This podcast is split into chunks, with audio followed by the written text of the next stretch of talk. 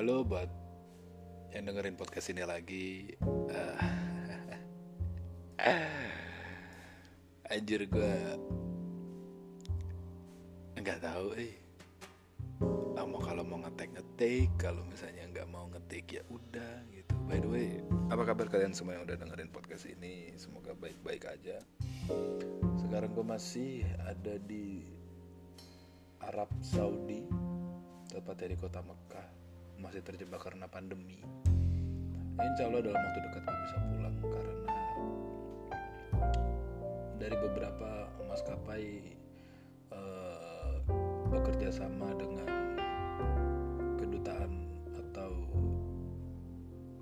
KJRI eh, di Jeddah di Saudi Arabia untuk bisa memulangkan semua tenaga kerja Indonesia. Oh bukan sekarang PMI namanya pekerja migran Indonesia. Yang ber, yang pada mau pulang. By the way apa kabar kalian semua? Semoga baik-baik aja ya. Uh, eh, gue di sini nggak tahu mau ngomongin apa udahlah take aja. Gue cuman I just wanted to take my podcast. So uh, I think the reason why I should take today. There is so many things in my brain that, that should be pop up. Jadi banyak banget pikiran dari macam-macam segala uh, segala apa pun yang menggelitik di otak gue men. Jadi here we go gue sebenarnya mau mau cerita eh, gue mau uh, nostalgia sedikit buat teman-teman. Gue mau nostalgia masa-masa kecil gue lu pernah ngalamin gak masa kecil yang lu alamin waktu itu tragis ataupun lu bahkan bisa nangis ataupun sedih? Saat lu pikir-pikir sudah lewat beberapa puluh tahun beberapa dekade atau mungkin beberapa tahun ke depannya itu pas lu pikir-pikir tuh lucu tau gak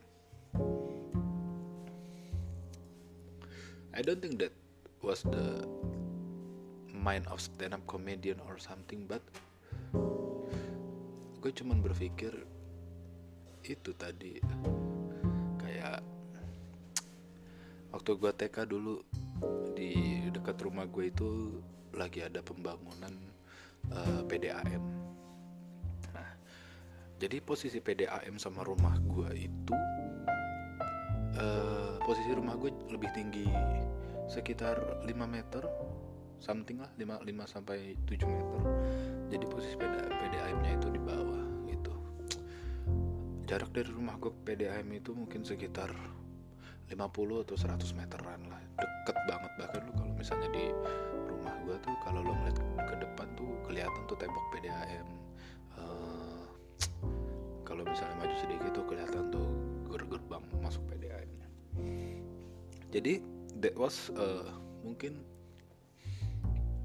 10 years ago? No no no no I think I think about uh, 17 or 18, 18 years ago. Jadi uh, gua berumur sekitar 5 atau 6 tahun. TK masih ingat gue TK gua posisi baru pulang sekolah. Yang gue ingat saat itu adalah di sekolah teman gue itu ada yang ulang tahun. Uh, gue bisa inget itu kenapa? Karena gue ingat waktu itu sampai rumah gue pakai topi ulang tahun yang bentuknya kerucut tuh tau kan yang yang benang apa yang talinya dari karet. Itu mungkin bahkan bisa ngebunuh kita kalau misalnya ditarik sampai kenceng. Terus gue sama temen gue kembar. Jadi kita bertiga gue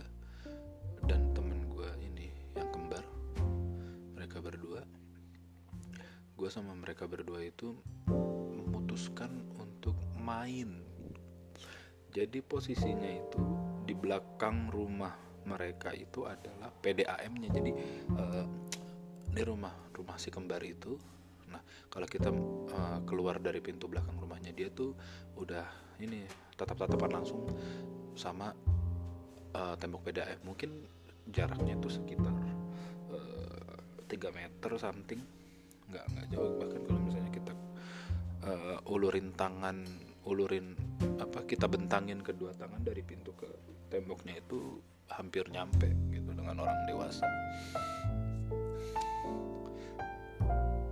Waktu itu PDAM lagi pembangunan jadi uh, nggak ada tembok.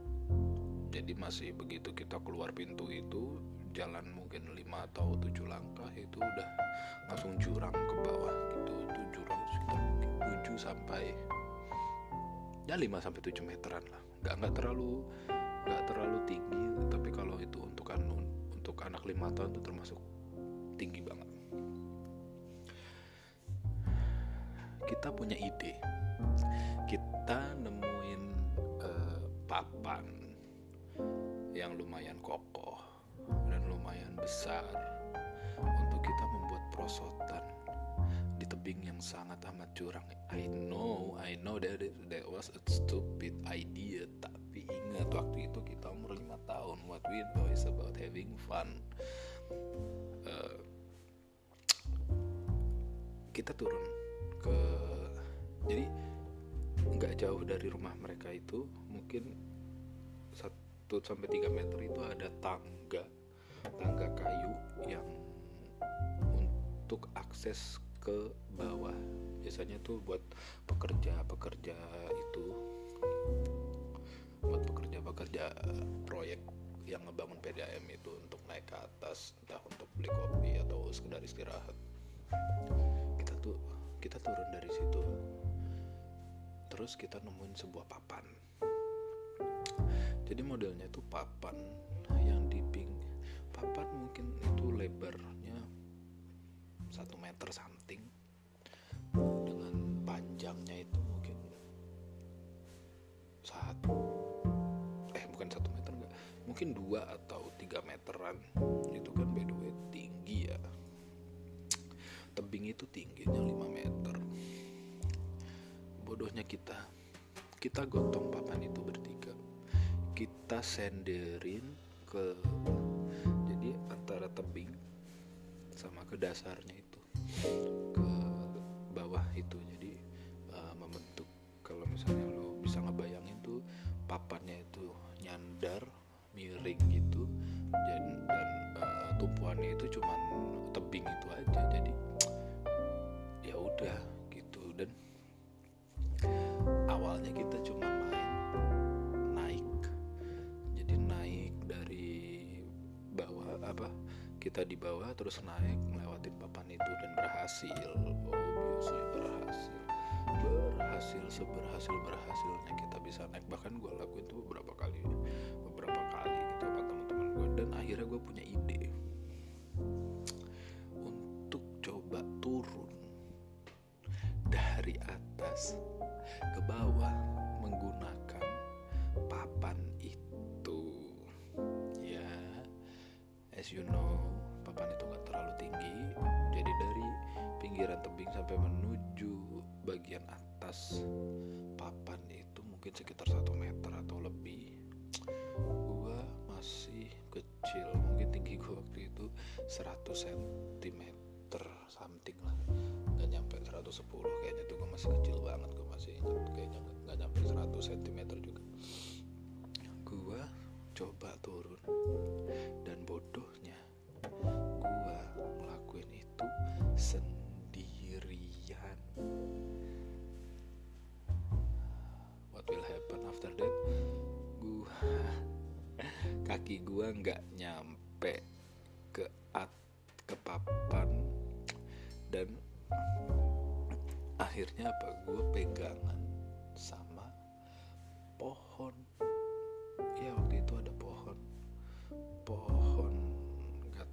pokoknya ada kayu ada pohon itu gue pegang. Jadi gue nahan-nahan kaki gue ngambang gitu.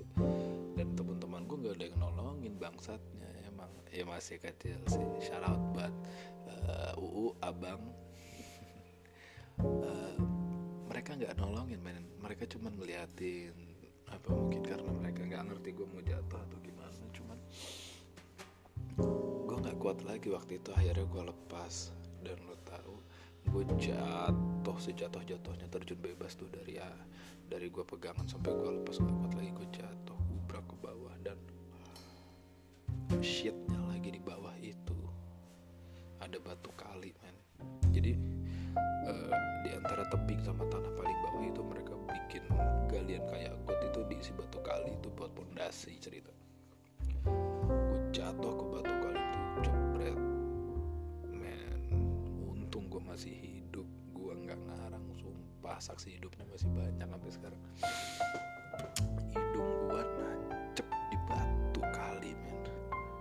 Lu bayangin batu kali hidung gue nancep di situ gubrak. Sampai sekarang nih hidung gue kalau dipegang nih masih ada bompalan tancepan itu. Dan kayaknya bakal permanen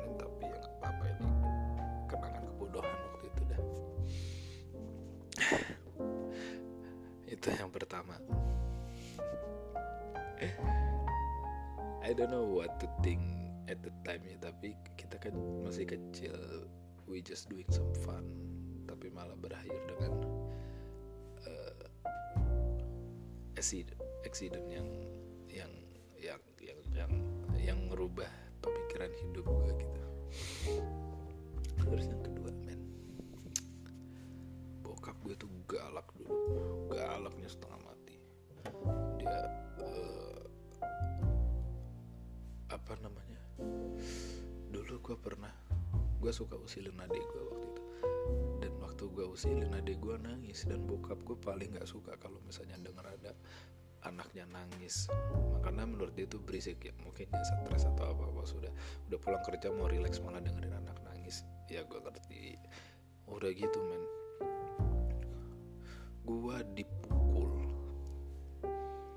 Bukan pakai gue dikupukul pakai kerupuk. Aduh nggak sakit. Gue nangis tapi itu nggak sakit. Tapi bikin gue nangis apa ngeres di badan. Lu tahu remahan kerupuk itu ngeresnya kayak apa kan kalau nempel di badan? Sumpah itu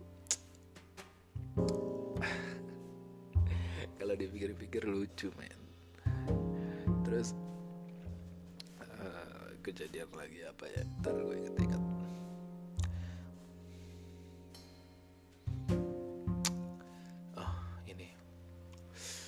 gue SMA itu mungkin tiga hari setelah gue masuk SMA oh shit. Ya itu pas banget satu hari setelah selesai mos gue nggak tahu sekarang ada mos atau enggak ya. jadi masa orientasi siswa. Jadi ya mungkin sekarang masih ada cuman gue nggak tahu lah perkembangannya separah dulu atau by the way mos gue nggak terlalu parah. Pertama sekolah gue sekolah uh, pariwisata gue di SMK by the way di kota Tangerang sekolah gue sekolah pariwisata uh, dan mereka mosnya itu uh, untuk memperkenalkan budaya dan dulu something lah ya emang ada beberapa kakak kelas yang iseng yang suka minta suruh minta tanda tangan kakak kelas sana sini suruh bawa ini bawa itu ya. You know that but after mos kita masuk seperti biasa. Sorry. Waktu itu kondisinya sekolah gue tuh mau dibangun gedung baru. Jadi gedungnya tuh udah setengah jadi gitu. Jadi gedungnya di tingkat bagian bawahnya udah jadi bagian atasnya tuh udah setengah jadi udah di udah dicor. Pokoknya tuh kayaknya tinggal ngebangun tembok gitu buat uh, ruang kelas barunya di situ ada tangga. Jadi posisinya uh, dari lantai paling dasar nih kita naik tangga itu kayak lantai dua. Terus ada naik sedikit lagi untuk masuk ke ruang kelas. Posisinya waktu itu gue karena sosokan mungkin gue terobsesi dengan film Jackie Chan something atau gue kebanyakan nonton video parkour di YouTube. Gue lompat main dari tangga itu dan jatuh gue nggak jadi gaya mainnya tadinya mau gaya malah nggak jadi gila. Shit. Dan jatuhnya nyungsep muka dulu yang yang nyium lantai.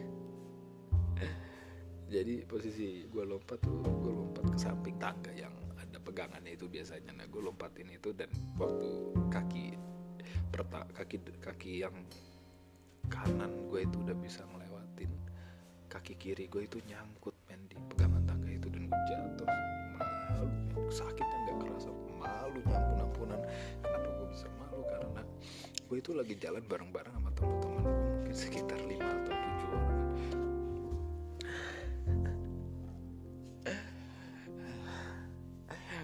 Anjrit itu gue pakai kemeja putih gue pakai kemeja SMA itu pada kotor karena lantainya berdebu kan. Wah gila gue diketawain sama satu geng gue tuh bangsat semuanya tuh orang tuh banyak nolongin gue tuh. Ya kejadian-kejadian kayak gitu ya misalnya lo pikirin. Uh, dulunya sebuah tragedi tragedi tragedi tragedi ya apa pun. Ya pokoknya sebuah tragedi yang waktu itu lo alamin melas bahkan sampai nangis ada yang bahkan sampai sedih gitu tapi begitu lo inget-inget lagi ke sini jadi lucu.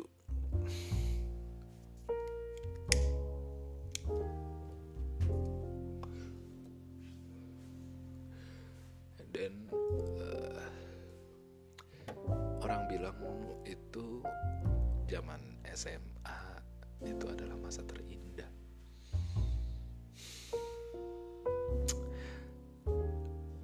SMA SMK itu adalah masa pencarian jati diri.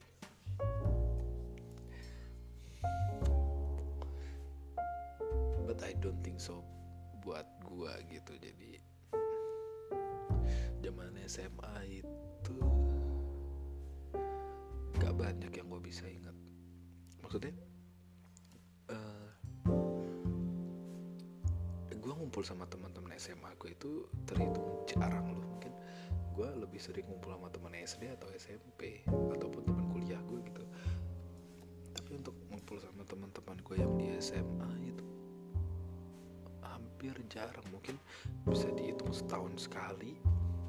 Atau kalau lagi ada yang married ada yang dilamar gitu mungkin kita baru gathering kita baru ketemu kita baru uh, meet up sama teman-teman gue yang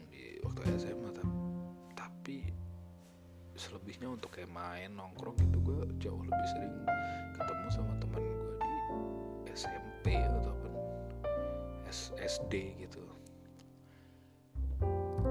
Walaupun uh, temen gue yang SD itu ya beberapa ada yang di luar negeri bahkan ada yang uh, sibuk dengan pekerjaan mereka kita masih sering nongkrong. Tapi untuk teman SMA nggak tahu. Nggak tahu kenapa. Mungkin mungkin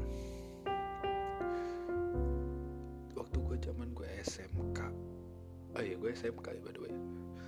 Sosokan SMA oh shit. Gue SMK tata boga satu kelas itu sekitar waktu itu di kelas gue itu uh, 39 38 orang. Cowoknya tuh cuma 7 jadi sisanya tuh cewek semuanya. Bener-bener cewek. Untungnya di kelas gue laki-lakinya cukup solid. Dan kita nggak nggak nggak yang ngejauhin karena banyak cewek banyak apa banyak banyak teman-teman kita cewek kita. Jadi ngebaur aja gitu sama cewek-cewek gitu. Jadi ada yang uh, apa namanya I lose the word I lose the word jadi udah kita ngebaur aja gitu sama sama teman-teman kita yang cewek. Dan kita nggak nggak ada yang malu gitu ya. Hmm, mungkin zaman zaman SMP gitu uh, zaman gue SMP itu gue sangat thanksin man sama cewek. Tapi begitu gue masuk SMK oh ya yeah, this this is uh, what should I do buat bisa berteman sama teman-teman yang lain gitu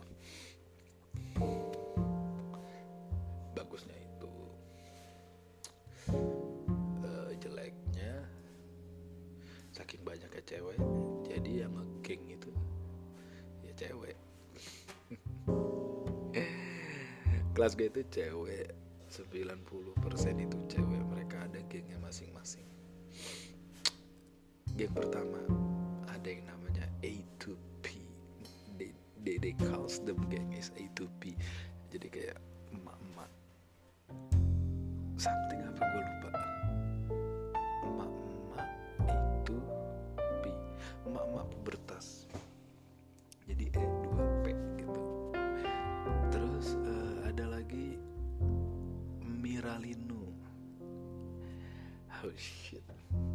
really I remember that name? Miralino itu uh, kumpulan dari teman-teman cewek yang menyingkat nama mereka menjadi Miralino. Uh, terus uh, lo kalau misalnya lo tahu arti dari Miralino just just just just tell me that you've been figure it out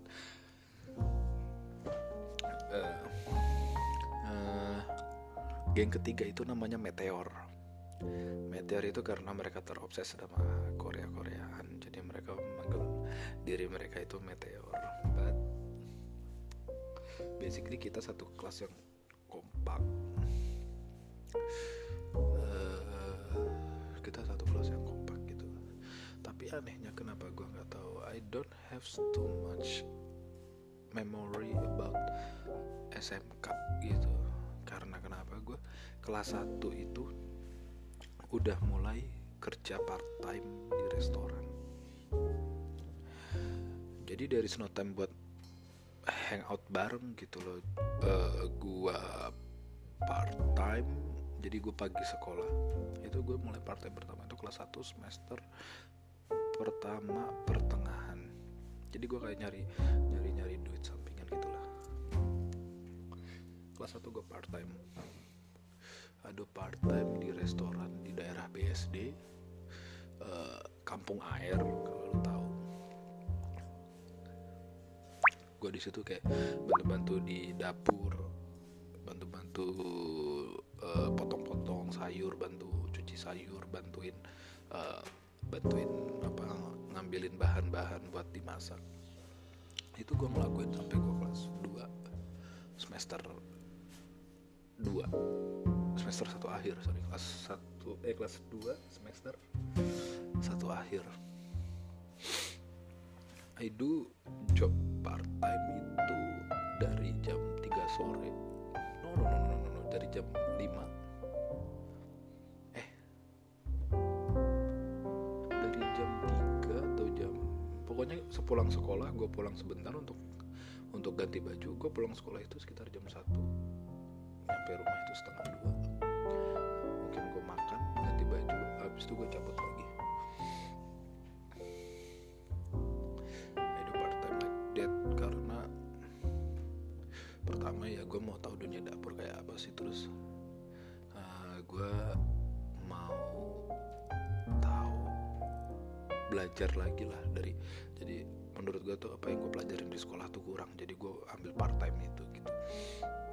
Gue di situ kerja biasanya gue kerja tuh seminggu sekitar tiga atau empat hari gitu.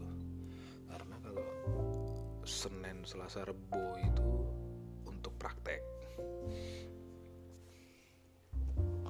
Jadi gue uh, daripada gue kecapean jadi gue senin selasa rebo tuh gue nggak mau part time.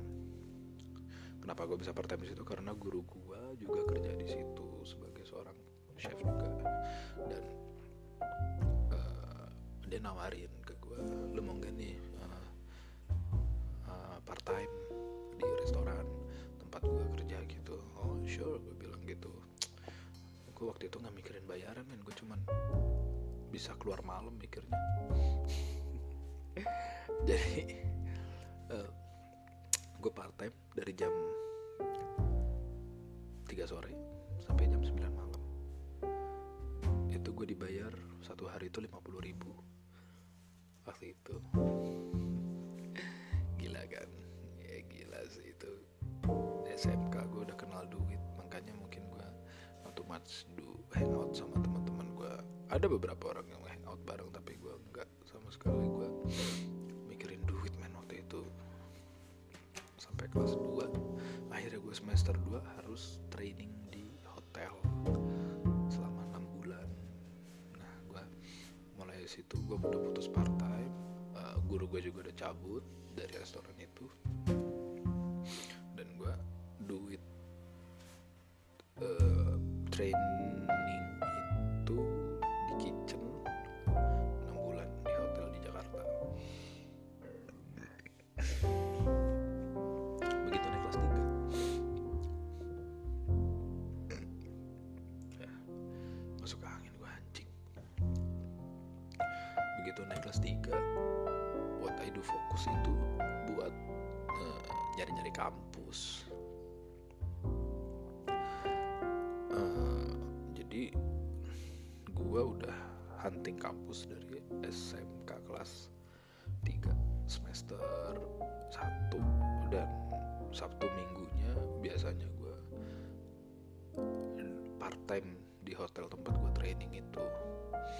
Jadi nggak tahu gue tuh kayaknya eh, nggak bisa banget main sama teman-teman gue ya main sama teman-teman gue yang dari hotel atau nongkrong bareng yang part time sama gue gitu itu pun gak banyak gitu. Eh, setelah itu gue lulus dan akhirnya gue melanjut untuk kerja di hotel tersebut atau hotel tempat gue training itu. Itu sampai eh, ada pembukaan kampus. Gue part time di situ. Pembukaan kampus habis itu gue coba daftar kampus waktu itu gue coba daftar di Bandung di NHI STP-nya gue gagal. Akhirnya gue ke kampung Inggris tiga bulan. Dan tahun depannya gue daftar lagi dan gue gagal lagi. Dan finally gue eh, mendarat di Trisakti diploma 1 khusus kitchen kenapa gue ngambil diploma 1 karena cuman diploma 1 yang fokus satu eh, jurusan gitu. Jadi gue gua nggak mau waktu itu gue nggak mau belajar tentang hotel secara utuh gitu. D satunya ada ya udah gue ambil di kitchen production. Itu gue kuliah di situ 6 bulan 6 bulan lagi gue training lagi di hotel tempat gue dulu training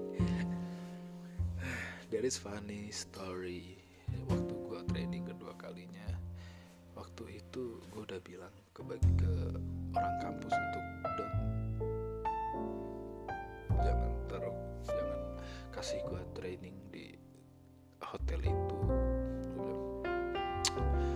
Kenapa emangnya bilang waktu gue SMK waktu gue SMK gue udah training di sana gitu. Gue mau coba hotel lain gitu. Kata dia oh ya udah oke oke nanti kalau ada kita kabarin. Tapi tetap saja. Begitu gue liat pengumuman mading hotel itu mengadakan interview dan nama gue ditaruh. Nama gue ditaruh. Men lu kalau mau tahu hotel tempat gue training itu adalah salah satu hotel paling susah dimasukinnya Eh, rata-rata anak SMK atau anak kuliahan itu ngincer hotel itu untuk jadi seorang trainee soalnya. Pertama lu digaji bulanan gak banyak tapi lu digaji bulanan. Eh, hotelnya lumayan eh, maksudnya bukan lumayan itu mah hotelnya bagus banget. Dengan ilmu dan semua yang bisa lu dapat di sana. Eh, terus gua akhirnya mendarat. Di hotel itu lagi. Ceritanya adalah waktu gue interview untuk jadi seorang trainee gue barengan sama teman gue sekitar empat orang. Gue satu cewek dua lagi cowok. Jadi eh, satu cewek dua cowok. Oh shit. Lobet. Sebentar gue sambil cas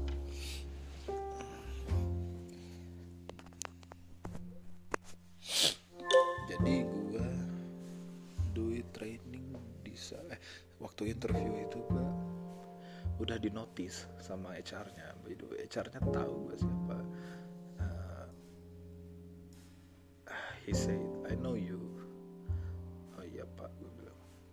Lu suka uh, part time di sini kan dulu? Oh iya pak benar dan habis itu ya udah gue bilang.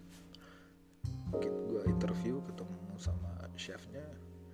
Dan chefnya juga tahu gue dan dia cuman nanya. Jadi uh, calon trainee tuh ditanyanya tuh something yang teknikal uh, kayak resipi lu tahu namanya mission plus atau enggak lu tahu namanya uh, apa eh, lu tahu tuh resipi apa aja lu belajar apa aja di kampus di sekolah lu uh, ya sesuatu, sesuatu yang sama-sama teknikal dan waktu gue masuk gue cuma ditanya sama chef gue masih ingat sampai sekarang lu kenapa nggak masuk di STP Bandung? Oh shit. Then I don't expect that he asked that thing gitu lah. Holy shit gue udah gue jawab ya I don't know chef ya mungkin di sini rezekinya gue di Trisakti ya terus gue di sini lagi kayaknya gitu dan dia cuman bilang e, lu ready jam berapa bisa masuk? Gue bilang ya di time lah gitu karena kita kan lagi training. Ah oke okay, good dan cuman gue dong yang diterima di situ di bagian kitchennya. Dari empat dari kita datang berempat. Ya Allah I do love training again. Di situ di outlet yang sama di kitchen yang sama. Dan gue turun pangkat sebagai seorang trainee. Ya Allah Tuhan. But it's okay. Tapi ya, gue udah bilang misalnya kalau misalnya ada overtime gue mau lakuin itu gitu. Dan bos gue ngerti dia dia paham gitu. Ah oke okay, oke okay, oke okay. gue udah percaya sama lo jadi is have overtime gue akan manggil lo gitu aja. Udah jadi gue kalau ada overtime untuk uh, part time jadi uh, saat selesai training gue bakalan part time dan gue dibayar full. Di situlah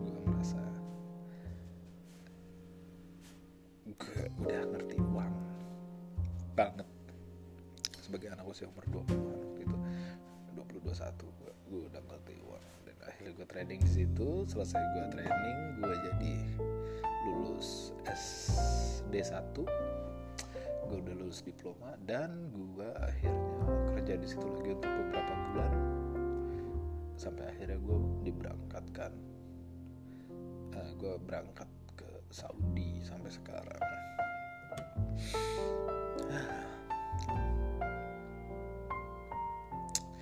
that lot of thing yang gue alamin selama 2 tahun di sini.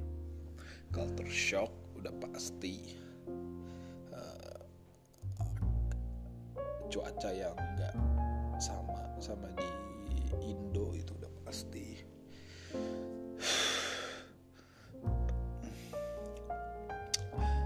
Kalau lu tahu misalnya uh, kalian ada yang pernah umroh atau mungkin ada anggota keluarga kalian yang udah pernah umroh men? Ya seperti itu gue alamin selama 2 tahun. Panasnya di sini gila-gilaan keringnya di sini. Hujan itu mungkin selama gue 2 tahun di sini hujan itu bisa dihitung jari. Bisa di sekitar sekitar di bawah 10 kali hujan di sini. Ya bener di bawah 10 kali. Udah gitu waktu lagi high season. Terus uh, do some stuff yang ya banyak lah banyak. Ada beberapa hal yang emang harus gue kerjakan gitu di sini. Oh, akhirnya gue kerja di sini selama 2 tahun dan sampai sekarang gue belum dipulangin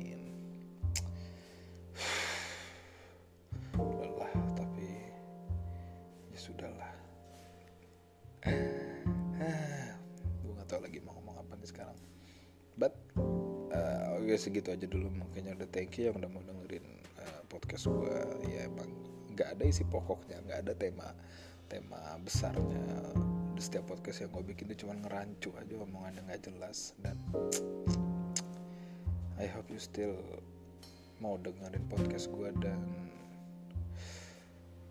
gue di sini mungkin cuma curhat atau mungkin beberapa ada yang mau kirim email ataupun uh, DM di Instagram.